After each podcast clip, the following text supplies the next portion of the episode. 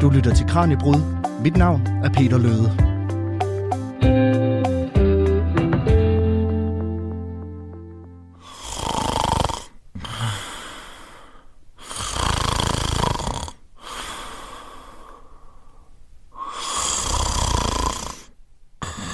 Ja, vi ligger ud med en god snorken. God, tung snorken, kan man vist godt sige. For i Kranjebrud i dag, der handler det nemlig om søvn. Eller nok nærmere manglen på samme, hvis man kan sige det på den måde. For hvad skal man stille op, når der på et tidspunkt ikke er flere får at tælle?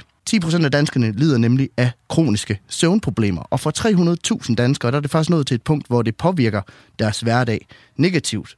Men det problem, det vil et øh, forskningsprojekt ved Aarhus Universitet nu forsøge at gøre op med. Og det skal ske via en app, nærmere bestemt den app, der hedder VIL.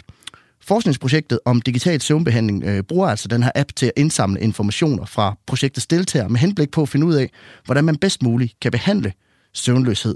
Og forud for det her program, der har jeg prøvet at downloade den her app, og øh, jeg har den faktisk her.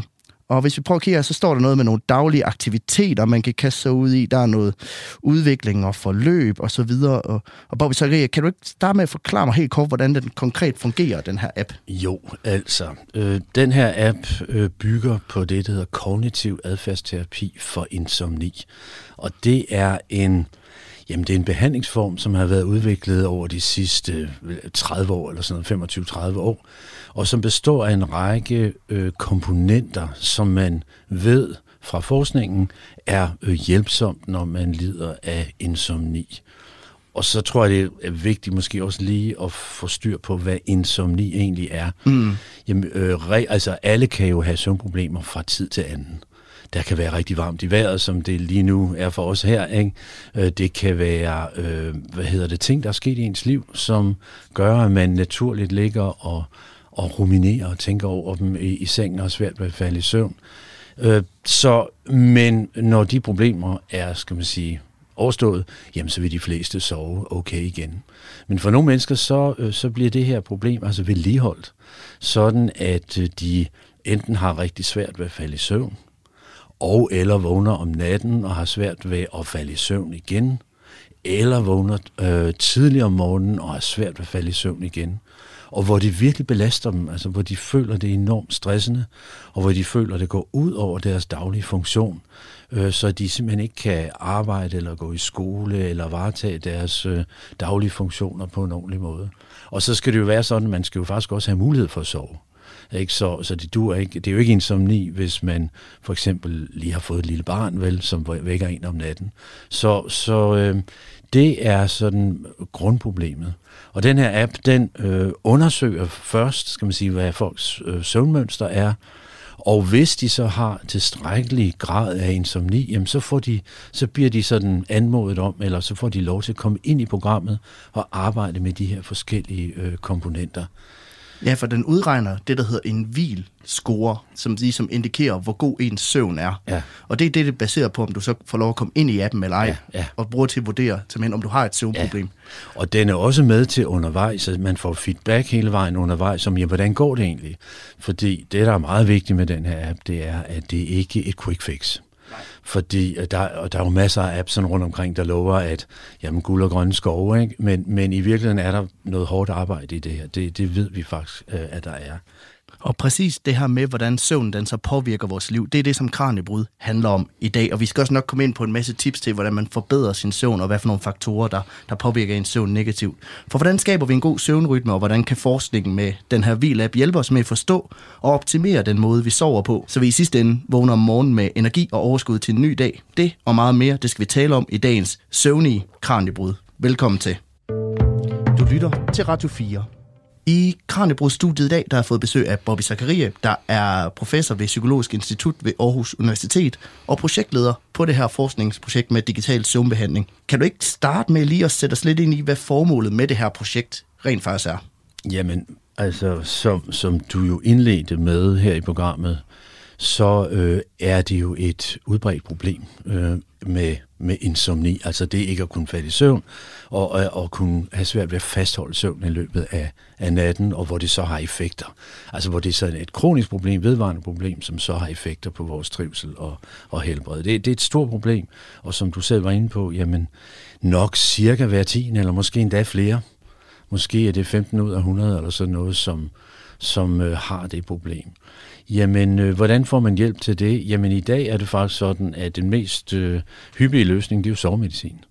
Og, og problemet er faktisk med sovemedicin, det, det ved man øh, fra en masse forskning efterhånden, at jamen det, det kurerer faktisk ikke søvnproblemet. Man bliver nødt til at blive ved med at tage sovemedicinen for at, skal man sige, kunne falde i søvn. Effekterne er faktisk ikke ret store. Øh, der sker også en tilvænding, så effekterne bliver mindre og mindre. Og, og så er der jo bivirkninger, og så er der også nogle langsigtede, kan man sige, negative effekter, som man er begyndt at få øje på, som, som øh, gør, at man fra sundhedsmyndighedernes side ikke anbefaler langtidsbrug af sovemedicin. Jamen, hvad anbefaler man så? Jamen, man anbefaler faktisk en række sådan adfærdspsykologiske og kognitive strategier, som, som hjælper med at, at falde i søvn. Og det er så det, appen den kan gå ind og, og hjælpe Det er det, appen øh, præcis øh, arbejder med, ja. Nu øh, talte vi om det her med hvilscoren tidligere, der var en indikator på, hvor god ens søvn er. Jeg tog den selv, og jeg har scoret 57 ud af 100. Er det godt eller skidt? Og det, altså det er, jeg vil sige umiddelbart, at det er, øh, det, det kunne godt blive bedre. jeg tror, det er varmen, der, der går ind og påvirker mig. Øh, ja, ja, og det er jo super vigtigt, og, så du siger det ikke, altså fordi det er ikke at have, man har ikke insomni, fordi der måske er en varm periode, hvor man er svært ved at falde i søvn. Man har ikke insomni, hvis det lige er en gang imellem. Man har insomni, øh, altså egentlig sådan klinisk søvnproblem, hvis det er, at det har varet lang tid, og det er mange dage om ugen, ikke? altså for eksempel mindst tre dage om ugen, i mindst tre måneder. Ikke? Det er sådan et diagnostisk system, som stiller de krav. Ikke? Så, så øh, det at have søvnproblemer fra tid til anden, det, det er helt naturligt. Men den tager udgangspunkt i det, der hedder psykologisk søvnbehandling. Hvad er det helt konkret? Jamen, det er jo øh, dels kognitive strategier, altså måder, vi tænker på, og så er det adfærdspsykologiske strategier, altså, hvor man kigger på og prøver at modificere øh, folks søvnadfærd. Det vil sige, hvornår de går i seng. Altså, vi ved, jamen, hvad er det, der fremmer øh, øh, god søvn? Eller, eller øh, måske ville det være en god idé at, at snakke om, jamen, hvad er det for nogle faktorer, der egentlig gør, at nogle mennesker ender med at udvikle insomni? For det første er det sådan, at jamen, vi er jo forskellige alle sammen, så nogle af os er mere sårbare end andre. En af sårbarhedsfaktorer, det kunne faktisk være det, at man er en natteravn ikke, eller B-menneske. De har sådan lidt større risiko for at få søvnproblemer. Øhm, og det er måske blandt andet fordi, at, og, og det er jo selv, ikke, men altså, at, at vores søvnmønster, indbyggede søvnmønster, det passer ikke helt øh, til, til den, øh, de krav, som samfundet stiller. Ikke? Jamen, samfundet stiller krav om, at jeg skal møde op ikke? Og, og deltage i et radioprogram, for eksempel. Men, men hvis jeg nu havde fået lov til det, så havde jeg nok sovet lidt længere. Ikke? Så der er en sårbarhedsfaktor. Det er også, hvis man er måske sådan lidt mere ængstligt anlagt, eller bekymrer sig noget mere, en tendens til at bekymre sig, jamen så øh, vil man øh, lettere kunne blive forstyrret øh, i sin søvn. Øh, det kan også være, at man har sådan en, en fysiologisk øh, stressreaktivitet, som er lidt større end andres. Så det er sådan nogle af de her sårbarhedsfaktorer. Mm. Det betyder jo så ikke, at man absolut får et søvnproblem. Men det betyder måske, at man er mere sårbar, hvis man kommer i nogle situationer, som for mange ville udløse, skal man sige, øh, i hvert fald nogle kortvarige søvnvanskeligheder. Det kunne være konflikter på arbejdet, det kunne være konflikter i parforholdet, det kan være stress på forskellige vis. Men det kan jo også være en sygdom, altså det kan jo være en kræftdiagnose, det er noget det, vi har arbejdet meget med, søvnproblemer blandt øh, kræftpatienter og, og tidligere kræftpatienter. Så, og, og der er det jo meget naturligt, at det kan udfordre øh, søvnen. Så der er nogle udløsende faktorer. Men det, der bliver interessant, når vi taler om øh, skal man sige, vedvarende søvnproblemer, det er jo i virkeligheden de vedligeholdende faktorer. Og det er dem, man faktisk, øh, skal man sige, det er dem, appen her og, og det, man kalder kognitiv adfærdsterapi for insomni, retter sig imod. Jamen, øh, det er, når, når folk har fået sådan et søvnproblem, så begynder de også at ændre deres adfærd. Altså det, som jeg nævnte med, at de måske går ekstra tidligt i seng, eller tager en lur i løbet af dagen. Øh, måske begynder de også at og så bliver de jo trætte, så bliver de jo også mindre fysisk aktive, for eksempel. Måske lader de være med øh, sådan at gå ud til nogle sociale begivenheder, som de ellers ville have gjort. Trækker sig hjem, øh, bliver derhjemme, ikke, fordi de er så trætte. Og alt det der er faktisk med til at forværre deres, deres søvnproblem. Så det skal vi have targeteret. Så begynder deres søvn også at blive uregelmæssig. Vi har faktisk brug for regelmæssighed i vores søvn, i hvert fald hvis vi har et søvnproblem. Og det, øh, det kigger man også på. Og så er der de tanker, som jeg var inde på, altså katastrofetankerne. Alle de forestillinger, vi har omkring søvn, som er med til at vedligeholde og understøtte vores adfærd. Og måske øh, ender vi også, altså i virkeligheden er søvn sådan en lidt sårbar ting. Øh, det er sådan en følsom proces. Øh, vi kan jo ikke bare beslutte os for, at nu vil jeg falde i søvn. Vi, vi kan gøre os parate til at falde i søvn. Og skabe de gode forudsætninger lige, lige for præcis, det. Okay. Lige præcis. Øh, og så, så det kan vi. Men, men øh, man kan sige, så derfor er, er, er søvnen også sårbar over for betingningsprocesser. Altså, og hvad er betingning? Jamen, det er sådan indlærte responser. Øh, de fleste kender jo sikkert historien om Pavlovs hunde, ikke? Altså, at Pavlov, han gav dem mad, ikke? Og så slog han på en, øh, på en stemmegaffel, ikke? Og, når bag, og så savlede de selvfølgelig, fordi de har fået mad. Men senere kunne han slå på stemmegaffelen, og så øh, savlede de, ikke? Men det er jo lidt det samme.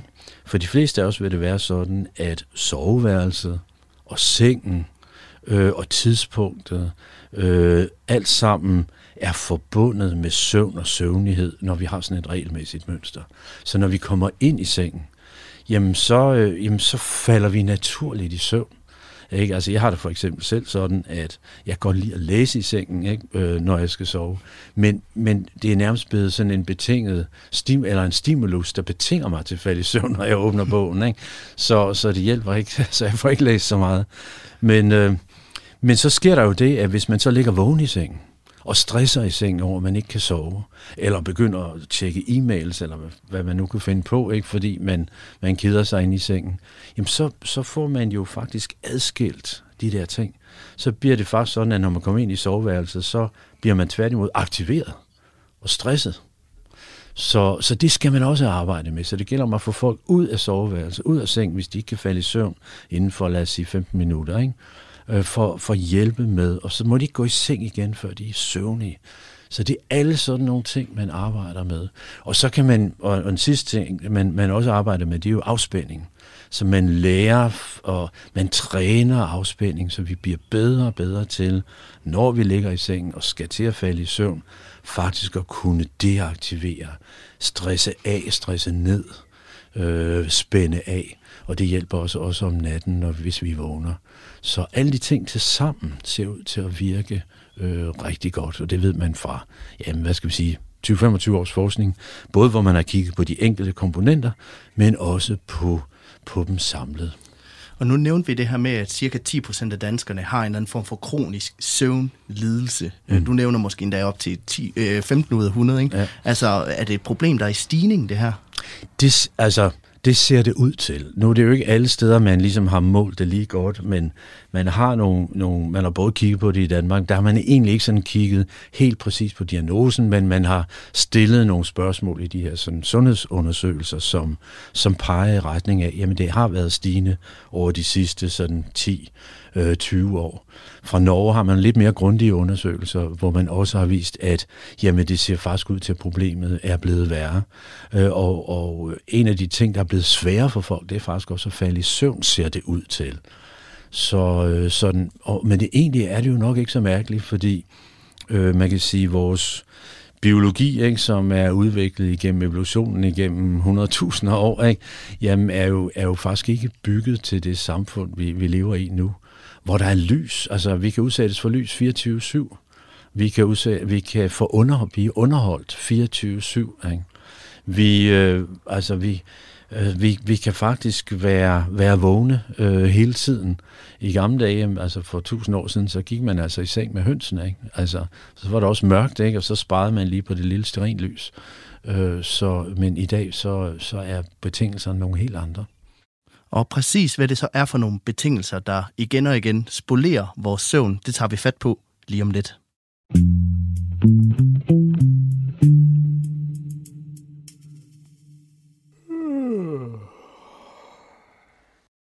Ja, hvis du er som cirka hver anden dansker, så går du måske rundt og gaber lidt i hverdagen. Ifølge den nationale sundhedsprofil fra 2021, så svarer næsten hver anden dansker nemlig, at de inden for de sidste 14 dage i et eller andet omfang har været generet af søvnproblemer.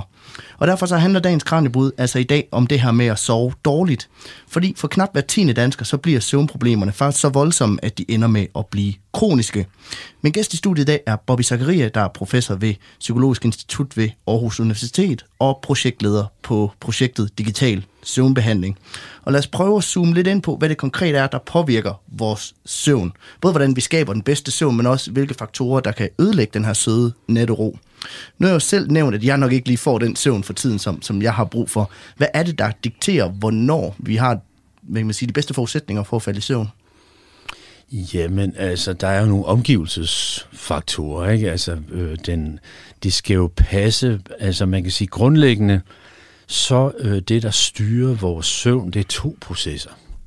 Det er på den ene side en døgnrytmeproces, som er sådan en indbygget næsten om, omkring, omtrent 24 timers cyklus, som er i høj grad styret af lys, men, men også af vores adfærd.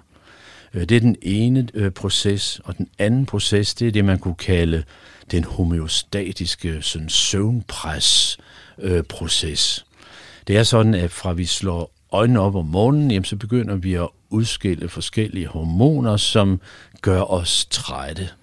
Øh, og hvis det ikke var sådan, at der var en anden proces også, som hjalp os med at holde os vågne, jamen så ville vi faktisk falde hurtigt i søvn igen efter et par timer.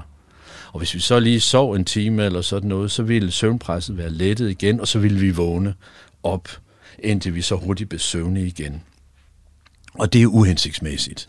Det er rigtig smart at være øh, aktiv og vågen i dagtimerne, og så sove og være inaktiv i nattetimerne, i hvert fald for mennesker. Så er der andre dyr, der har vendt om på det. Men, altså, øh, men, men pointen er jo så, at vi så samtidig har det her døgnrytmesystem, som producerer vågensignaler, forskellige øh, stoffer, som holder os vågne. Øh, indtil vi når ud på aftenen, så begynder skal man sige, så, så øh, øh, fordi lyset så bliver mindre, altså så begynder det at blive mørkt, jamen så begynder vi så pludselig at udskille øh, søvnighedssignaler, og, og de fleste kender sikkert stoffet melatonin, som er det stof, som er med til at fremme vores søvnighed og parathed til at sove. Og når søvnpresset, så, det er jo så vokset op i løbet af dagen, og søvnighedssignalerne er, er kommet op øh, i, i tilstrækkeligt niveau, jamen så falder vi i søvn. Og, og melatonin er så med til også at, at fastholde søvn i løbet af natten, indtil at melatoninproduktionen så om morgenen begynder at falde, og så er søvnpresset også faldet, og så vågner vi igen. Så den egentlige forudsætning for at have en god søvn, det er, at de her to systemer passer øh, sammen. Og så kan, kan systemet selvfølgelig, altså vores søvn, blive forstyrret af vores adfærd, det vi gør, det vi tænker, øh, og af, af eksterne forhold, altså varme, som du selv var inde på, ikke? eller en seng, øh, der gør ondt, eller man, man kan jo også, hvis man nu har psoriasis, eller hvis man har atopisk dermatitis, jamen så kan man jo godt klø øh, og, og så krasser man sig i løbet af natten. Og det, altså, det er faktisk noget af det værste, der holder øh, øh, dispatienter altså vågne om natten. Det er deres kløe. Du nævnte det her før, at, øh, at der simpelthen er nogen, der hvis den her, hvor den her døgnrytme simpelthen er indstillet lidt anderledes. Nu nævnte du selv, at du var B-menneske. Altså er samfundet bare indrettet bedre til nogle typer mennesker end andre? Jamen, det er der meget, der tyder på, altså, at øh, samfundet altså, er, er mere indrettet på, på morgenmenneskene end på, på aftenmenneskene. Det, det er der ingen tvivl om. Øh, og i øvrigt er det jo også sådan, at det ser ud til, at vores døgnrytme den også forskyder sig. I hvert fald når vi kommer i puberteten, så vil vi pludselig opleve, at der sker en forskydning over mod aftenmenneske hos, hos teenager. Øh, og, og, og den bliver sådan faktisk fastholdt i, i nogle år, indtil de når op i 20'erne, så begynder den at forskyde sig tilbage til det, der er deres sådan naturlige døgnrytme. Så derfor, det er jo derfor, de er jo ikke bare nogle dogne hunde, altså, de er faktisk virkelig søvnige. Og, og øh, så når man prøver at pisse dem i skole klokken 8, ikke? altså op klokken halv syv, ikke? jamen så får man altså en dårligere skolegang ud af det, og de er mindre vågne. Der er faktisk lavet eksperimenter med, hvor man lader netop øh, teenager altså komme senere i skole, så kommer de også senere hjem selvfølgelig. Men, men de er simpelthen mere vågne i skolen og, og får bedre karakterer. Så, så øh, det, der er ingen tvivl om, at de øh, at samfund og hvordan jeg er indrettet, de, de skal altså helst spille bedre sammen. Men nu, nu snakker vi også om det her med, at det, det, det er et stigende problem, det her mm. med søvnløshed. Altså, hvad er det, der gør, at flere og flere lider af det her? Jamen, øh, man kunne have forskellige hypoteser om det, ikke? Øh, men, men der er nok ingen tvivl om, at skal man sige, samfundsudviklingen er, er med til det her. Altså, en gang så var det jo sådan, at man gik på arbejde, og når man så var hjemme fra arbejde, jamen så var det ligesom ikke så meget mere, man kunne gøre. Jamen så holdt man sig fri, eller så sad man måske og, og læste en, en roman eller sådan noget, ikke? fordi der var måske ikke rigtig fjernsyn, der var måske lige et radioprogram, ikke? Øh, og, og så faldt man i søvn. Ikke? Jamen i dag, øh, jamen, der bliver vi jo hele tiden aktiveret. For det første kan vi arbejde 24-7, mange af os, ikke? fordi vi har hjemmearbejdsplads, vi har computer, Øh, så, så internettet og, og den teknologiske udvikling har jo virkelig betydet, at, at vi kan arbejde hele tiden. Og det er altså ikke smart at sidde og arbejde til langt ud på natten, fordi så, så har man altså også svært ved at falde i søvn. Man skal faktisk give sig øh, en, en, en ordentlig sådan periode og, og give ned på i løbet af aftenen. Øh, lad mig sige, hvis man nu altså sover godt, så, så kan man jo gøre, hvad man vil. Men hvis man har søvnproblemer, så er det så noget af det, man skal kigge på. Men så er der også underholdning 24-7. Altså, vi kan, der, jeg ved ikke, hvor mange streaming services, ikke? hvor vi kan se øh, og, og binge, jeg ved ikke, hvor mange serier hele tiden. Ikke? Og nogle af serierne er jo så spændende, ikke? at man måske sidder helt ud til fire om natten ikke? Altså, og, og ser dem. Ikke? Så, så øh, underholdning, øh, arbejde, teknologi, stress, øh, det er alt sammen faktorer, som påvirker mange af os i hvert fald. Så man kan sige, at forudsætningerne for at have en sund døgnrytme, eller en sund øh, rutine i det her, den er simpelthen forsvundet. Jeg ved ikke, om den er forsvundet, men de er blevet, den er blevet udfordret, vil jeg så sige. Ikke? Det betyder jo så, at, at vi skal så arbejde med det. Ikke? Øh, en af udfordringen er, at vi får, får lys ind, ikke? og lys, det, det hæmmer altså melatoninproduktionen, som vi har brug for, for at sove. Så, øh, så kan vi jo så se, at øh, så har de forskellige øh, hvad hedder det, producenter af, af smartphones osv., så, videre, så laver de sådan natindstilling, og så fjerner de det blå lys, ikke? og så videre. Ikke? Men, men, men stadigvæk, øh, så, så er det jo øh, en, en, en vigtig udfordring. Jeg har også selv øh, perioder, hvor jeg har enormt svært ved at sove. Jeg tror noget af det, der rammer mig mest, det er det her, at der kommer en frustration over ikke at kunne falde i søvn. Ikke? Altså, hvor meget, er det, ja. er det sådan en selvforstærkende spiral? Absolut, absolut. Det, det er sådan, fordi så er vi over i det, der hedder de vedligeholdende faktorer. Det ene er at de faktorer, der udløser søvnproblemerne, men, men de vigtige i virkeligheden, dem, og dem man vil prøve at ramme med, med behandlingen, det er jo så de vedligeholdende faktorer. Og det er jo mere frustreret man bliver over, at man ikke kan sove, jo flere, jo mere tankemylder man får, hvor man enten tænker over problemer i tilværelsen, eller problemer med at sove, jamen så bliver det altså sværere og sværere at sove. Fordi så er der jo, så opfatter hjernen det, som om der er fare på færre, ikke? der er noget, vi skal forholde os til, så skal vi selvfølgelig ikke sove øh, så bliver det svært at falde i søvn. Der kan man jo arbejde med forskellige teknikker, hvor man så bliver god til at sige, jamen en simpel teknik er at udskyde nogle af de, lad os sige, man har en masse ting, man, man tænker over øh, og skal arbejde med, og udfordringer i dagligdagen, så skal man så vidt muligt lade være med at tænke på det i sengen så kan man, øh, skal man udskyde det til andre tidspunkter og sige, at det er på det her tidspunkt, at jeg bekymrer mig over det og det, eller så skriver jeg noter ned omkring, hvordan jeg vil gribe det an, og så lægger jeg det til side, og så kan jeg lade være med at tænke på det. Altså må jeg tænke på noget andet, nogle positive ting, når jeg ligger i sengen. Men hvis man så kommer i voldsom søvnunderskud, er løsningen så ikke bare at, at sove helt vildt meget for lige at catch up? Kan man catche op på den måde? Nej, det er faktisk udfordringen, at jo altså gradvis, hvis vi får genetableret et hensigtsmæssigt søvnmønster, hvor vi får de der syv timer i gennemsnit, som, som man faktisk mener, det er det, folk i gennemsnit har brug for, sådan almindelige voksne mennesker. Så mellem, mellem 6 og 8 timer, ikke? det er sådan det, der fungerer for de fleste. Men, men generelt, altså man, det er meget svært at indhente. Man kan ikke rigtig indhente sit, sin søvnmangel. Man skal have et stabilt søvnmønster. Det er, det er faktisk sådan, vi er bygget. Men kan man sove for meget? Ja, det kan man da faktisk, øh, når man nu kigger, og nu skal vi måske også snakke lidt om, jamen, hvad er konsekvenserne af, af dårlig søvn? Jamen, så kan man se, at der er masser af konsekvenser af søvnmangel, eller at forstyrret øh, uregelmæssig søvn. Øh, man kan se øh, for eksempel øget risiko for alle mulige sådan, psykiske problemstillinger, men også en række fysiske problemstillinger. Men det kan man faktisk også for folk, der sover for længe, altså meget for meget. Øh, og, hvad, og man ser sådan en, en uformet sammenhæng. Så flere problemer øh, blandt dem, der sover meget lidt, og blandt dem, der sover meget for meget, eller for meget, som sådan, og de er måske over ni timer eller sådan noget. Ikke? Ja. Okay, men det vil heller ikke bare, hvis man sover længe en lørdag morgen. Det vil nej, nej, nej, nej, nej. Det, det er sådan en søvnmønster. Ikke? Alt sammen er over en længere periode. Det er ikke bare en enkelt nat, vi snakker om. Det er det altså ikke. Men i hvor høj grad er søvnløshed noget psykisk, og i hvor høj grad er det noget fysiologisk? Jamen, vi kan jo egentlig ikke skille tingene ad. Altså, det er jo, det er jo fysiologiske processer, der driver øh, søvnen, kan man sige. Det er, er udskillelse af søvnighedshormoner, det er, øh, skal man sige, andre stoffer, der hæmmer vågenhedssignalerne. Øh, øh, for eksempel øh, histamin er et vågenhedssignal, øh, som holder os vågne. Øh, det er jo derfor, antihistaminer gør os søvnige. Ikke? Så hvis man nu er en, har allergi og får antihistaminer, jamen så, så gør det også øh, søvnige. Ikke? Så det kan også virke som sovemedicin. Øh, så, så der er jo biologi i de her processer, men de psykologiske processer og vores adfærd, jamen de påvirker biologien.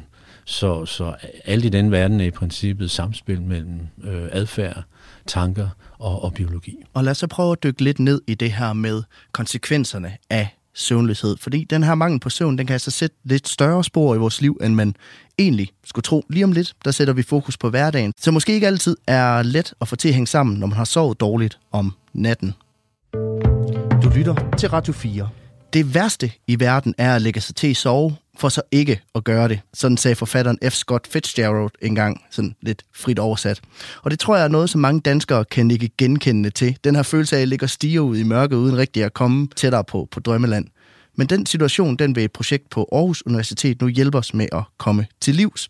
Gæsten i Kranjebud i dag er professor ved Psykologisk Institut ved Aarhus Universitet, Bobby Zakaria, der også er projektleder på et øh, forskningsprojekt, der vil skabe en app, der kan afhjælpe danskernes søvnløshed.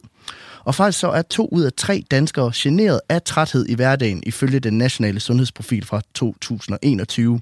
Og det påvirker faktisk vores hverdag meget mere, end vi tror, at vi ikke lige får den søvn, vi har brug for. Og måske skal vi lige starte med at tale om, hvilken funktion, som søvnen rent faktisk har i vores liv. Ja, øh, det er der, skal man sige, ikke fuldstændig klarhed over. Man ved faktisk meget om, hvordan søvnen fungerer, men, men hvad, hvorfor vi sover, øh, altså det, det ved man ikke 100%, men man har nogle gode teorier om det. Øh, og som også er delvis understøttet. Men jeg kan i hvert fald sige, at hvis det, nu sover vi jo en tredjedel af vores liv, sådan cirka, ikke?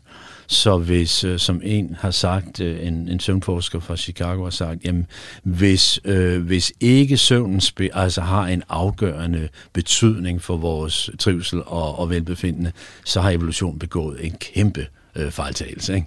Så, så den må jo have en, en, en funktion. Øh, der kan være i hvert fald sådan to tre ting, som, som man tænker over i dag. Øh, en af dem er, at man har fundet ud af, at når vi sover, så øh, hjælper søvnen også med at udskille forskellige affaldsstoffer fra hjernen. Øh, det er nærmest som om, at vores hjernevæske er af det, nogen har kaldt et lymfatisk system, som, som øh, udskiller forskellige sådan, fejlfoldede proteiner. Og, og, det er faktisk, og det er ikke nok bare at hvile sig, det er faktisk søvnen, øh, der, der pumper disse øh, øh, affaldsstoffer ud. Og der har vi altså brug for at få udskilt, fordi Øhm, der er en sammenhæng mellem mængden af disse affaldsstoffer og så risikoen for at blive dement. Så det påvirker altså vores hjerne, hvis vi ikke får, får sovet på den måde. Så ser det også ud til, at søvnen, øh, søvnen har stor betydning for, skal man sige, hvordan vi bearbejder de ting, vi har lært i løbet af dagen. Der er nogle ting, vi skal have konsolideret. Altså, lad os sige, at jeg skal op til eksamen, ikke? Så, så læser jeg, og øh, det viser sig, at hvis jeg får sovet på det, jeg har lært, øh, jamen så sidder det bedre fast. Altså, det har man simpelthen lavet eksperimenter med. Ikke? Øh, og, øh, så det der med at bede folk om at sove på noget, det, det er rent faktisk en realitet? Det, det, det er der noget om. Ikke? Øh, så, men så er der jo også nogle ting, vi skal have aflært, kan man sige. Ikke? Der er også nogle ting, vi har ikke, vi har ikke brug for, øh, skal man sige, alle de øh, indtryk, vi har fået i løbet af dagen. De skal organiseres, de skal omorganiseres. Nogle af dem skal smides ud, så at sige, fordi der er ikke plads til dem. Øh, det skal, øh, og, og der er der altså andre dele af søvnen, de er altså beskæftiget med det. Og vores søvn består af forskellige faser. Der er det, der man kalder remsøvnen, altså eller drømmesøvnen, hvor, hvor meget af vores øh, drømmeaktivitet foregår. Øh, og det hedder REM, det er Rotating uh, Eye Movement. Øh, og det, det er fordi, man kan se på folks øjne, de bevæger sig meget, mens de er i den her fase. Den minder meget, så når man kigger på hjerneaktivitet, øh, så minder den meget om vågenhed. Bortset fra, at at skal man sige, øh, vores motoriske system er hæmmet. Altså, selvom vi drømmer for eksempel, at vi løber en tur, jamen så vil det for de fleste være sådan, at musklerne ikke bliver påvirket. Det er ligesom koblet fra. Og det er jo meget hensigtsmæssigt. Så er der faktisk nogen, der har sådan nogle problemer med, at det ikke er koblet rigtig godt fra. Så begynder de at gå og øh, altså, gøre ting om, om natten, som, som, som øh, er uhensigtsmæssige for dem. Øh, så, så, men, så der er remsøvnen, og så er der de dybere søvnfaser. Og de har forskellige effekter på vores hjernefunktion. Øh, remsøvnen er vigtig for den omorganisering. Den dybe søvn er, er blandt andet vigtig for konsolideringen af det, vi har lært. Så der, så, og, og det har man, sådan ved man fra øh, for forsøg, hvor man har vækket folk i de forskellige faser af deres søvn og så set, jamen, hvad, hvis man nu mangler remsøvn, hvad, hvilke effekter får det så? Altså, hvis man mangler dyb søvn, hvilke effekter får man så? Så man har brug for begge dele. Så man kan sige, at man ved ikke helt, hvilken funktion de spiller, men man ved bare, at det er enormt vigtigt, at man Jamen, får sin søvn. Ja, det er enormt vigtigt for vores øh, funktion, altså hjernefunktion. Og jamen, alle biologiske processer har jo døgnrytmer, skal man sige, er, er rytmisk øh, sådan opbygget, blandt andet vores immunsystem.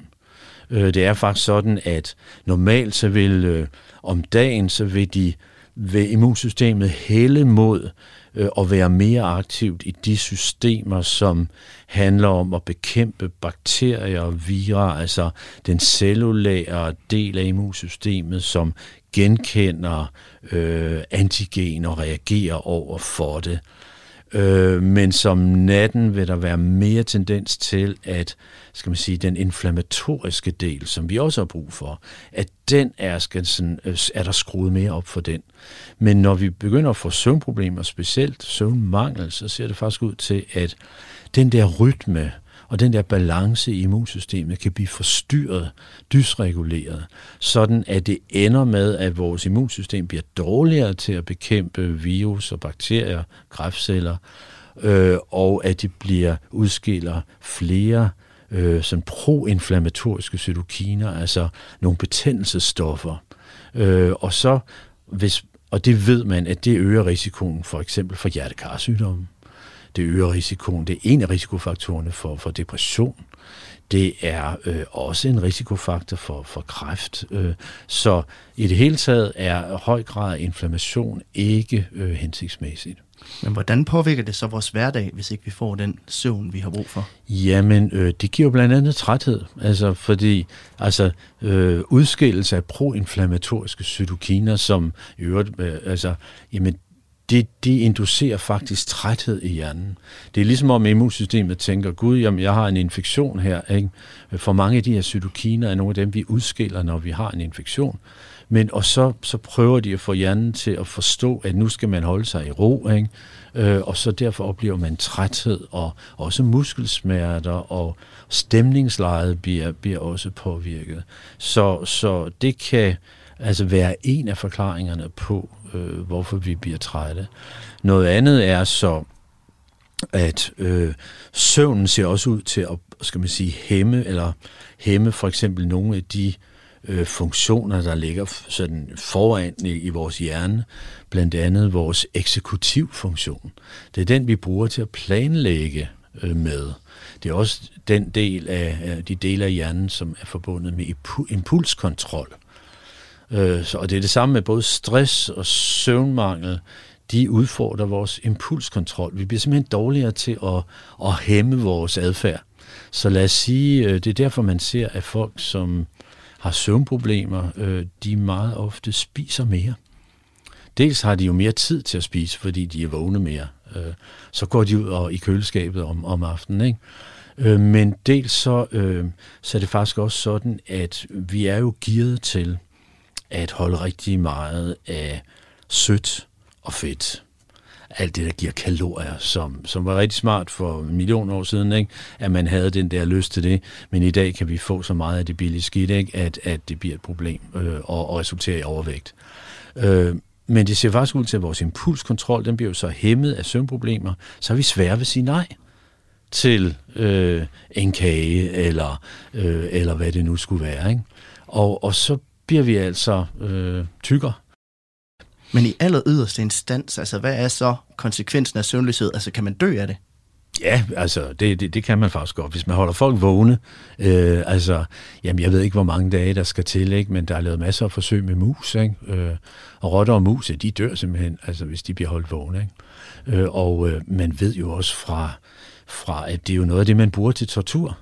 Det er et velkendt instrument, altså CIA har brugt det, øh, øh, men de har brugt det i, vi kender det fra fangerne i, øh, i Nordkorea, ikke? Under, under Koreakrigen øh, og, alle, og i Irak, ikke? Jamen, den bedste måde at terrorisere folk på, øh, det er ved at holde dem vågne med musik og lyd og, og så videre. Øh, det svækker fuldstændig øh, folks mentale og, og fysiske modstandskraft. Og om lidt, så øh, bevæger vi os over i at tale om, hvad det her forskningsprojekt så øh, rent faktisk peger på, der virker for de mange, der lider af søvnløshed.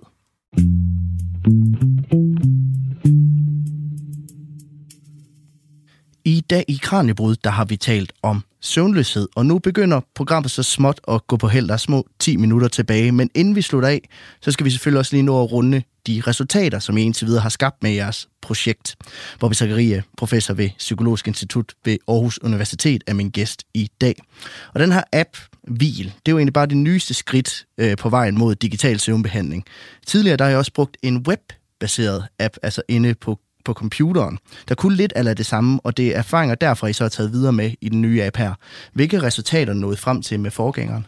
Ja, øh, øh, egentlig tænker, at man skal gå et endnu et skridt længere tilbage, fordi vores forskningsenhed arbejder øh, vi jo blandt andet også øh, både på Psykologisk Institut, men vi er også indlejret på kræftafdelingen på Aarhus øh, Universitetshospital. Og øh, der har vi jo så igennem årene blevet mere og mere øh, klar over, at øh, søvnproblemer, det er noget, som rigtig mange, ikke bare, bare kræftpatienter, men også øh, personer, der er færdigbehandlet for kræft, øh, oplever. Altså, mens vi siger 10-15 procent i den sådan, generelle befolkning, jamen så er det cirka og helt op til tre gange så mange øh, øh personer øh, behandlet for kræft, som oplever de her søvnproblemer. Og, så, øh, og det påvirker jo virkelig deres livskvalitet. Øh, og, og de der sammenhæng mellem immunsystem og søvnproblemer som vi, og stress, som vi så i, i noget tidligere forskning, jamen det gjorde, at vi tænkte, at vi bliver simpelthen nødt til at kigge på de her ting med, med øh, og, og hjælpe øh, blandt andet øh, kræftoverlevere øh, med deres søvnproblemer. Og så gik vi jo så i gang med at, at øh, støtte blandt andet af kræftens bekæmpelse og af øh, Trykfonden med at øh, kigge på, hvordan kan vi øh, hjælpe de her patienter? Fordi når der er så mange, der har de her problemer, og der er i virkeligheden meget få trænede terapeuter, jamen, og, og, og så vil det jo også koste en hel del, ikke? jamen så kan vi simpelthen ikke dække behovet. Så en af måderne at prøve at løse det på, det er jo at udvikle nogle digitale instrumenter. Og der startede vi med en amerikansk udviklet øh, øh, website, eller, eller hvad hedder det, øh, webbaseret program, som var udviklet ved, ved øh, Universitetet i Virginia. Øh, og i samarbejde med dem fik vi lavet en dansk version af det, Og øh, den arbejder netop med kognitiv adfærdsterapi for insomni, altså har de her forskellige komponenter, både med, med søvnrestriktioner, altså men, man optimerer folks søvnmønster ved at bede dem om at gå senere i seng simpelthen, og så får de lov til gradvist at få, skal man sige, genetableret et, et, et, øh, et, fornuftigt søvnmønster. De kognitive aspekter, hvor vi kigger på deres tanker omkring søvn, og, og får gjort, skal man for hjælper dem med at få lidt mere hensigtsmæssige tanker. Øh, det med at sørge for, at folk øh, ikke ligger inde i, i seng og soveværelset og vågne, men de kommer ud af soveværelset. Det eneste, man faktisk må gøre i soveværelset, hvis man har et søvnproblem, det er øh, at sove og, og have sex. Ikke? Man skal ikke spise, man skal ikke arbejde, man skal ikke se film osv. Man skal gå ud af soveværelset. Øh, og så er der jo, øh, skal man sige, hele, øh, hvad hedder det, altså det at give ned, inden man skal sove. Man skal gøre sig parat til at sove. Man skal ikke sidde og spille et ophidsende computerspil lige fem minutter inden man skal sove. Man skal begynde at give ned, sådan at kroppen vender sig til, at nu skal vi til at sove. Og så er der jo en masse det, man kalder søvnhygiejne. Øh, det er gode råd om, jamen at være fysisk aktiv, ikke at drikke kaffe eller, andre, eller indtage andre stimulanser, inden man skal sove, sørge for den rigtige temperatur, øh, osv. osv. Alt det folk godt ved men har svært ved at gøre og gennemføre. Jamen det er selvfølgelig også en del af det, fordi det skal være med til at, at fastholde de her ting. Men alle de ting arbejder man så med i, på det her øh, website igennem mellem 6 til 9 uger tager det.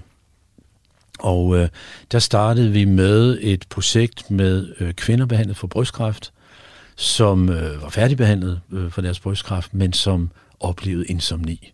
Og der sendte vi øh, brev ud til, jamen, jeg tror det var over øh, 3.000 øh, kvinder tidligere behandlet for brystkræft, og ud af dem var der halvdelen, der svarede, og ud af dem var der mange, der havde søvnproblemer, og ud af dem var der så 255, som sagde, jamen vi vil gerne være med i, i det her projekt. Og øh, så blev de fordelt enten til en venteliste, altså hvor de egentlig bare skulle besvare spørgeskemaer, og så øh, fik de tilbudt øh, programmet, når de var færdige med det, eller også fik de øh, programmet med det samme. Og øh, det øh, det gav nogle virkelig, virkelig gode effekter. Altså, vi var altså, virkelig overrasket over, hvor, hvor gode effekter der var på deres søvn. Altså, hvilke effekter kunne I se? Jamen, vi kunne se, at de faldt hurtigere i søvn. Vi kunne se, at de oplevede deres søvnkvalitet som meget bedre. De, deres, øh, det der med at, altså deres insomni, deres selvvurderede insomni øh, forsvandt simpelthen øh, hos rigtig mange af dem. Øh, og øh, øh de vågnede ikke så meget om natten, og de vågnede ikke så tidligt om morgenen. Øh, øh, og, og oplevede simpelthen en høj søvnkvalitet. Og hvad der var mindst lige så interessant var, at deres træthed i løbet af dagen, deres, som man ser hos mange tidligere kræftpatienter, den øh, var også markant øh, reduceret. Og så, øh, så, så fik de kontrolgruppen jo så tilbudt det, og, og så kiggede vi faktisk på det her for, for nylig, tre år efter. Øh, og det viste sig faktisk, at øh, effekterne var der stadigvæk. Så øh, der var ikke altså flere, der havde fået øh, søvnproblemer egentlig sådan i betydeligt omfang. Så det er en holdbar øh, intervention. Ja, for hvor stærk er evidensen for, at den, at den her digitale søvnløshedshjælp, jamen, den, er, den er særlig god? Jamen, den er faktisk ret okay efterhånden. Vi lavede en såkaldt meta-analyse på et tidspunkt, hvor vi tog, øh, det er for en del år siden, øh, 2016, så kiggede vi på alle de øh, studier af sådan nogle lodtrækningskontrollerede forsøg, øh, hvor øh, man havde brugt digital øh, intervention og fandt nogle rigtig gode effekter, som ser faktisk ud til at være samme størrelsesorden, som man får i ved at øh, modtage behandling sådan face-to-face, altså øh, direkte fra, fra en terapeut. Så det ser ud til at være, at det her problem øh, ser ud til faktisk kunne løses ret godt med et digitalt øh, program. Men det skal selvfølgelig være det her program, der arbejder med alle de her komponenter, øh, for at det skal virke. Det skal ikke bare være, at man lige registrerer sin søvn eller et eller andet. Ikke? Øh, øh, så, så, så det skal være det rigtige program som sådan. En del af den her Hvil-app er jo også, at man kan, man kan overvåge sit søvnmønster over en længere periode. Altså, hvorfor det er vigtigt i forhold til at, at bekæmpe søvnløshed? Jamen, det at få et, et godt indblik i, øh, i, i personens øh, søvnmønster, det er en forudsætning for, simpelthen for at kunne arbejde med psykologisk søvnbehandling.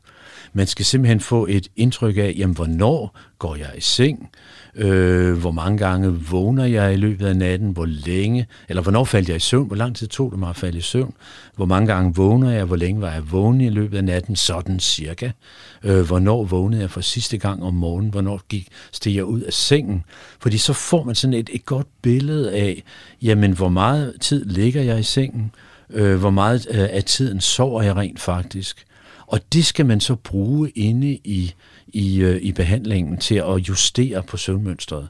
Men så sker der i øvrigt det, at når man begynder at undersøge sit søvnmønster, så opdager man tit, hvis man har et søvnproblem, at hey, jeg sover faktisk mere, end jeg troede. Fordi folk, der har søvnproblemer, de har jo netop tendens til katastrofetanker, og, og de øh, tror tit, at de sover meget mindre, end de gør.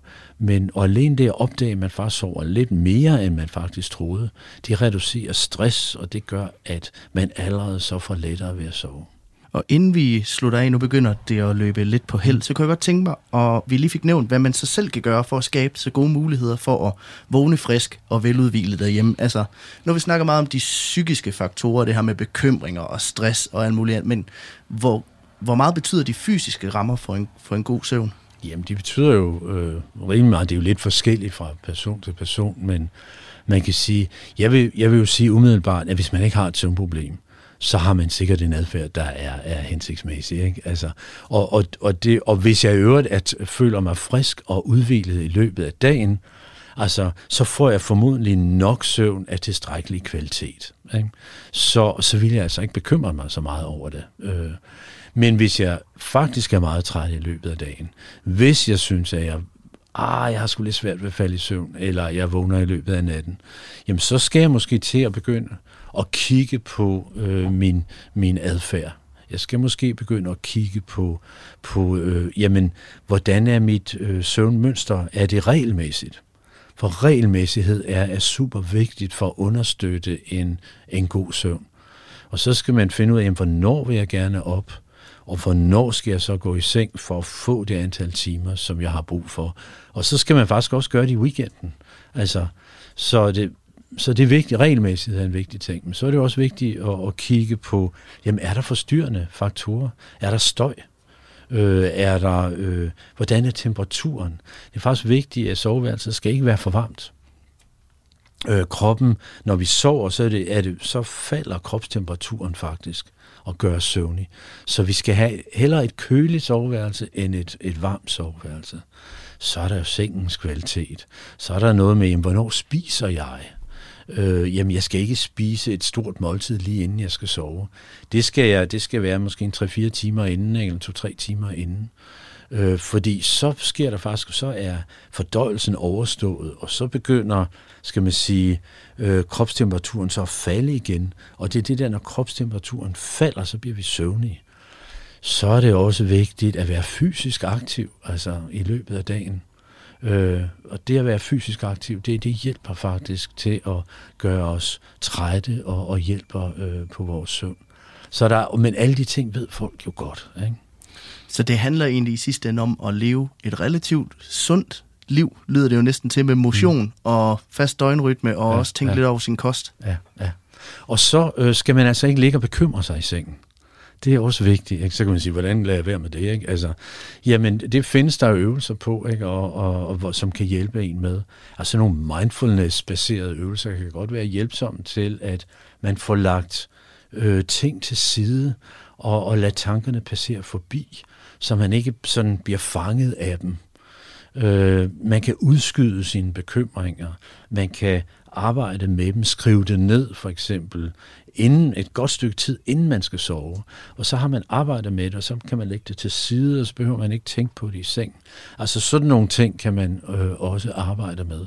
Fordi det er jo, der er ingen tvivl om, at det at ligge og bekymre sig i sengen, det er noget, der, der, der øh, er med til at holde os vågne. Og med det, så når vi faktisk til enden på dagens program, hvor vi Zakaria, professor ved Psykologisk Institut ved Aarhus Universitet. Tak fordi du har lyst til at tage med ind i Drømmeland sammen med mig. Jamen selv tak. Du lytter til Radio 4. Det var simpelthen alt for Kranjebrud i denne omgang. Og hvis du vil have mere videnskabelig radio, så husk, at vi sender hver dag fra kl. 12.10 til kl. 13, og det er altså her på Radio 4.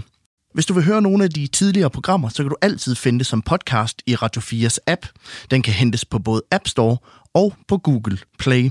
Og hvis du har en idé til et emne eller et fænomen, som du gerne vil have, at vi dækker her i programmet, så tøv ikke med at sende din idé til os på kranjebrud radio4.dk. Tusind tak, fordi at du lyttede med. Programmet er produceret af Videnslyd for Radio 4.